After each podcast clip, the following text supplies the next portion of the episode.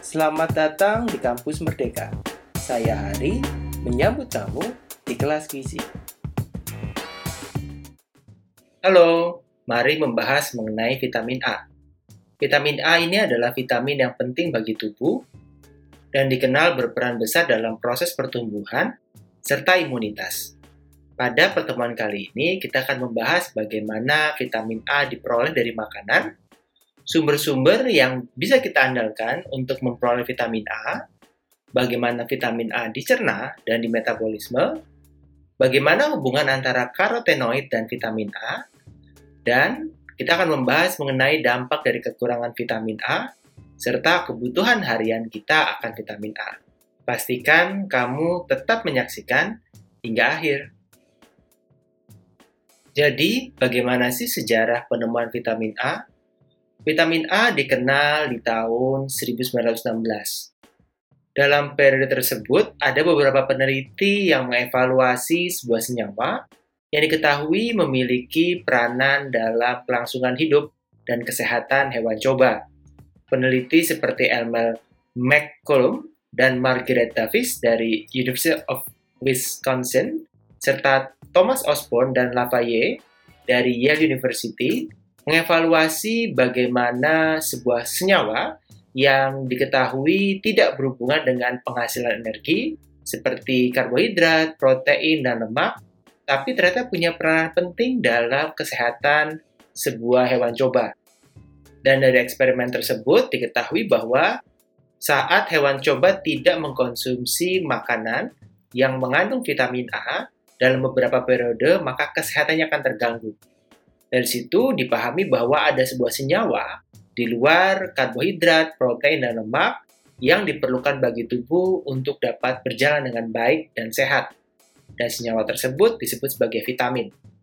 Bagian dari vitamin yang awal mula ditemukan adalah vitamin A dengan menggunakan abjad yang pertama, yaitu A. Meskipun senyawa kimiawinya disebut sebagai retinoid. Ya, vitamin A sering disebut sebagai retinoid. Molekul retinoid ini adalah molekul organik yang tersusun atas atom karbon, hidrogen, dan oksigen. Dan mirip seperti protein, karbohidrat, dan lemak, senyawa ini adalah sebuah senyawa organik.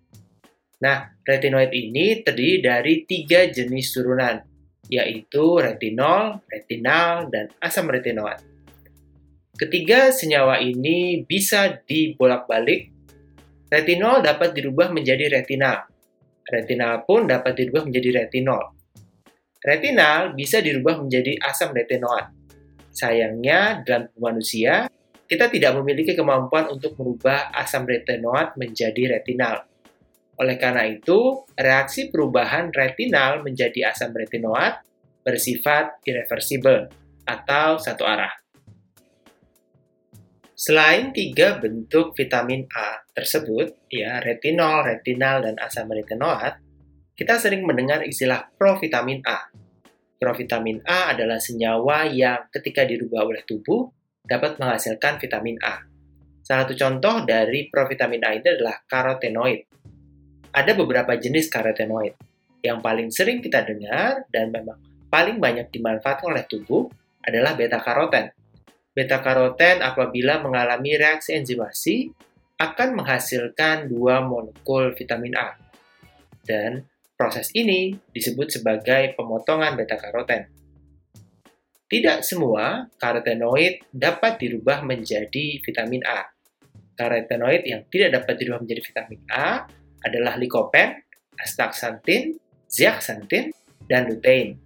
Senyawa karotenoid ini saat dikonsumsi akan langsung diserap dalam bentuk molekul ini, tidak dipecah menjadi vitamin A. Bagaimana sih proses pemecahan senyawa karotenoid menjadi vitamin A? Atau bagaimana pemotongan beta karoten menjadi vitamin A?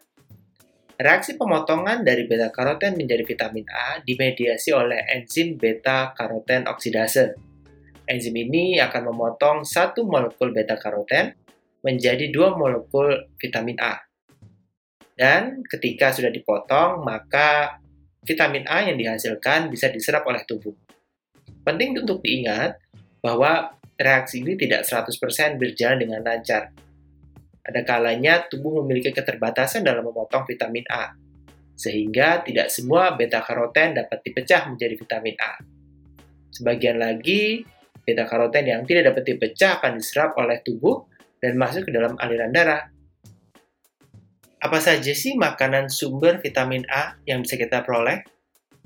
Makanan sumber vitamin A dapat berasal dari hati, baik itu hati sapi maupun hati ayam, kita bisa mendapatkan dari labu, bayam, atau sayuran berdaun hijau lainnya.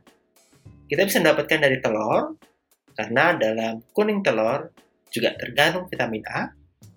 Kita juga bisa mendapatkan vitamin dari ikan, serta ubi jalar. Ya, ubi jalar khususnya adalah jenis umbi-umbian yang mengandung vitamin A dalam bentuk karotenoid. Jadi, ada dua bentuk vitamin A yang disediakan di alam. Vitamin A yang berada dalam bentuk preform, artinya sudah menjadi vitamin A beneran. Ini biasanya ditemukan pada produk makanan hewani, seperti daging, hati, ikan, dan telur. Lalu ada lagi jenis vitamin A yang terdapat pada nabati yang sering disebut sebagai provitamin A. Biasanya kita dapat dari tabu, sayuran, atau umbi Bagaimana kita mendapatkan vitamin A? Ini penting untuk mempelajari apakah kita cukup memenuhi kebutuhan sehari-hari dan apakah yang kita konsumsi tersebut benar-benar dapat dimanfaatkan oleh tubuh untuk menjalankan fungsinya. Satu hal yang harus dipahami adalah bahwa setiap vitamin punya efek yang berbeda terhadap proses pemanasan. Apabila beberapa jenis vitamin B bisa rusak oleh pemanasan, vitamin A, terutama yang berasal dari senyawa karotenoid atau provitamin A, justru bioavailabilitasnya dan daya serapnya meningkat saat menjalani proses pemasakan. Bagaimana sih proses pencernaan vitamin A terjadi di dalam saluran pencernaan? Vitamin A dan karotenoid diserap oleh usus halus, di mana proses penyerapan vitamin A dan karotenoid ini dibantu oleh adanya garam empedu dan juga lipida dalam bahan makanan. Ya, lipid atau lemak atau minyak yang dikonsumsi bersamaan dengan vitamin A dapat meningkatkan kemampuan tubuh dalam menyerap vitamin ini. Maklum, ini adalah vitamin larut lemak tidak dapat dengan mudah diserap oleh tubuh seperti vitamin larut air. Vitamin larut lemak perlu molekul pembawa yang berasal dari garam empedu. Dengan adanya makanan yang kaya akan lemak, tubuh akan lebih banyak menghasilkan garam empedu supaya terjadi peningkatan penyerapan lemak. Jadi penting buat kamu yang menjalani diet rendah lemak untuk memastikan apakah vitamin A yang kamu konsumsi cukup dan dapat difasilitasi untuk diserap dengan baik. Bagaimana vitamin A dicerna di dalam usus? Selain bertugas untuk melepaskan vitamin A dari ikatan-ikatan antara senyawa yang terdapat di dalam bahan makanan, enzim-enzim yang bertugas dalam usus juga dapat memecah beta-karoten menjadi vitamin A. Seperti yang sudah dijelaskan sebelumnya bahwa satu molekul beta-karoten akan menghasilkan dua molekul vitamin A. Lalu, beta-karoten dan vitamin A tersebut akan diserap ke dalam usus. Penyerapan dari molekul vitamin dan beta-karoten ini unik karena bersifat larut lemak, maka tidak bisa langsung diserap. Untuk dapat diserap, beta-karoten dan vitamin A akan bergabung dalam molekul yang disebut sebagai kilomikron mereka akan bergabung dengan lipida lain yang dikonsumsi bersama dengan makanan, lalu kemudian kilomikron tersebut masuk ke dalam usus dan diserap, lalu kemudian dialirkan ke seluruh tubuh. Vitamin A dan beta karoten yang berada di dalam aliran darah kemudian dapat diambil oleh jaringan. Tapi perlu diingat bahwa vitamin A dan beta karoten ini tidak bisa beredar sebagai molekul sendiri, melainkan perlu bergabung dalam beberapa jenis molekul, misalnya kilomikron, atau beredar dalam lipoprotein seperti LDL dan VLDL yang diedarkan dari jaringan hati. Vitamin A juga bisa berikatan dengan retinol binding protein yang membantunya untuk terlarut di dalam aliran darah. Proses menempelan retinol atau vitamin A dengan molekul seperti retinol binding protein dan transiretin ini terjadi di jaringan hati. Di dalam jaringan tersebut, retinol atau vitamin A yang memang memerlukan pembawa yang bersifat larut air dibantu proses menempelnya di jaringan hati. Dari jaringan tersebut kemudian vitamin A diedarkan ke seluruh tubuh melalui aliran darah. Nah, apa yang terjadi kalau seseorang mengkonsumsi vitamin A dalam jumlah yang berlebih? Misalnya saat kamu menerima suplementasi vitamin A yang biasanya diberikan pada balita di beberapa tahun kehidupan, di mana pemberian suplementasi ini diberikan dua kali dalam setahun. Program pemerintah ini bertujuan untuk mengurangi kejadian defisiensi vitamin A di masyarakat. Nah, jaringan yang bertugas untuk menyimpan retinoid atau vitamin A ini adalah jaringan hati dan jaringan adiposa. Vitamin A sering dikenal sebagai vitamin yang punya peranan dalam proses penglihatan. Yuk, cari tahu bagaimana caranya vitamin A dapat berdampak pada proses penglihatan kita. Saat mata kita melihat sebuah benda, yang kita lihat sebenarnya adalah pantulan cahaya dari benda tersebut.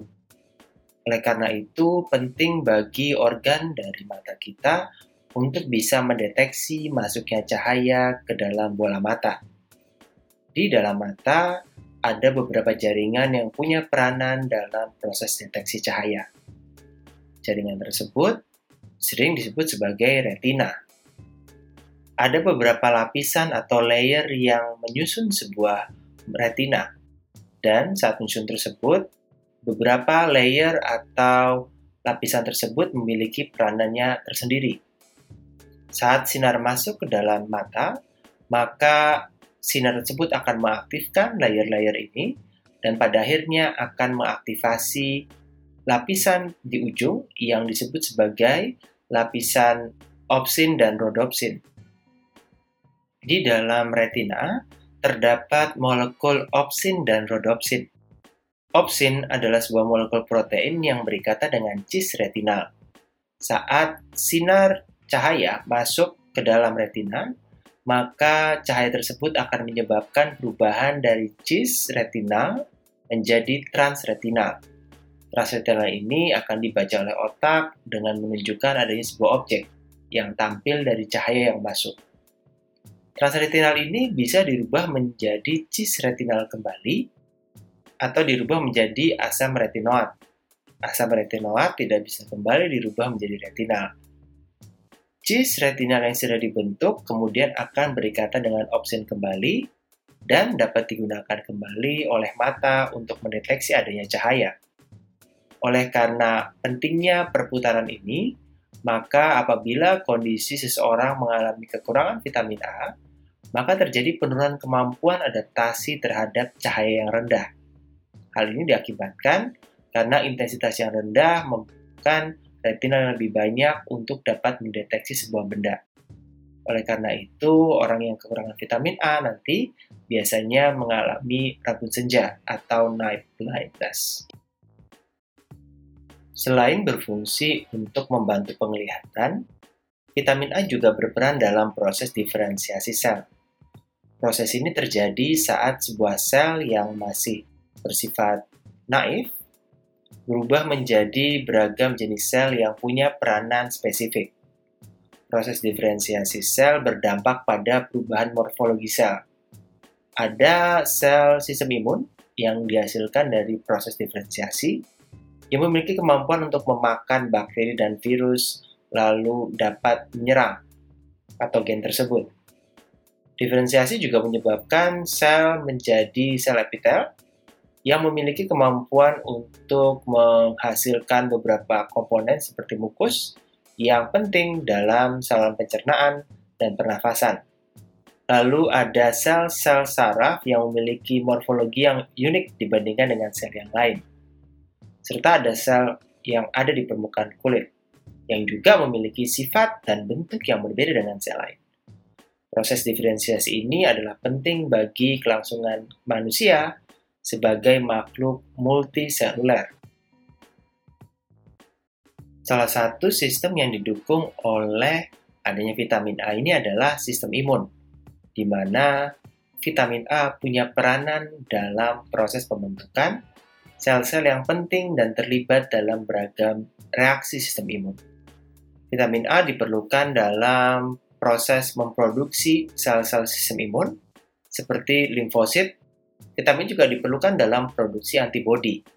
Selain itu, pada sel epitel, vitamin A punya peranan dalam pembentukan barrier pertahanan terutama pada lini saluran pencernaan dan pernafasan, serta kulit.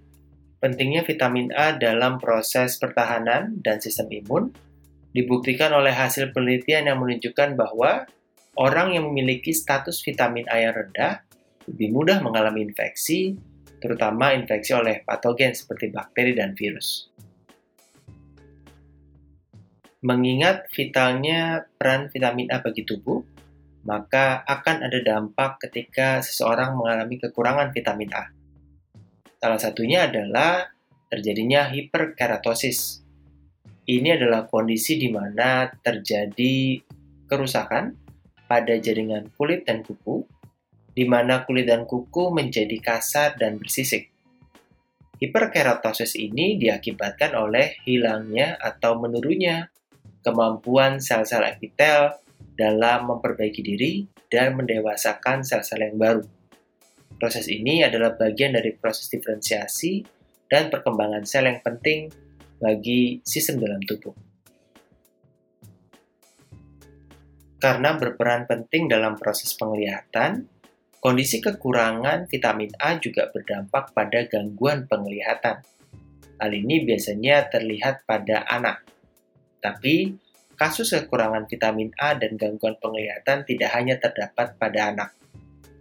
Dalam kondisi yang ringan, kekurangan vitamin A dapat menyebabkan rabun senja atau kehilangan kemampuan untuk melihat di malam hari atau kondisi cahaya yang redup. Apabila sudah berat, maka gangguan dapat terjadi dalam bentuk mata yang kering, dan mengalami kerusakan hingga mengalami kebutaan. Kondisi ini sering disebut sebagai seroftalmia, yang biasanya diikuti oleh adanya bitot spot. Yuk, pelajari kebutuhan vitamin harian kita, terutama vitamin A. Vitamin A dibutuhkan oleh manusia dan kebutuhannya berbeda tergantung usia dan jenis kelamin. Pada anak-anak, baik laki-laki dan perempuan, kebutuhannya bisa dikatakan lebih rendah. Akan tetapi, kebutuhan vitamin per berat badannya bisa jadi lebih tinggi dari dewasa. Di saat bayi, kebutuhannya adalah 375 hingga 400 RE atau retinoid equivalent. Semakin meningkat usianya, maka kebutuhannya akan bertambah. Hingga di saat remaja, seseorang anak laki-laki akan memerlukan 700 RE. Meskipun demikian, setelah menjadi dewasa, kebutuhannya sedikit berkurang, yaitu sebanyak 650 RE.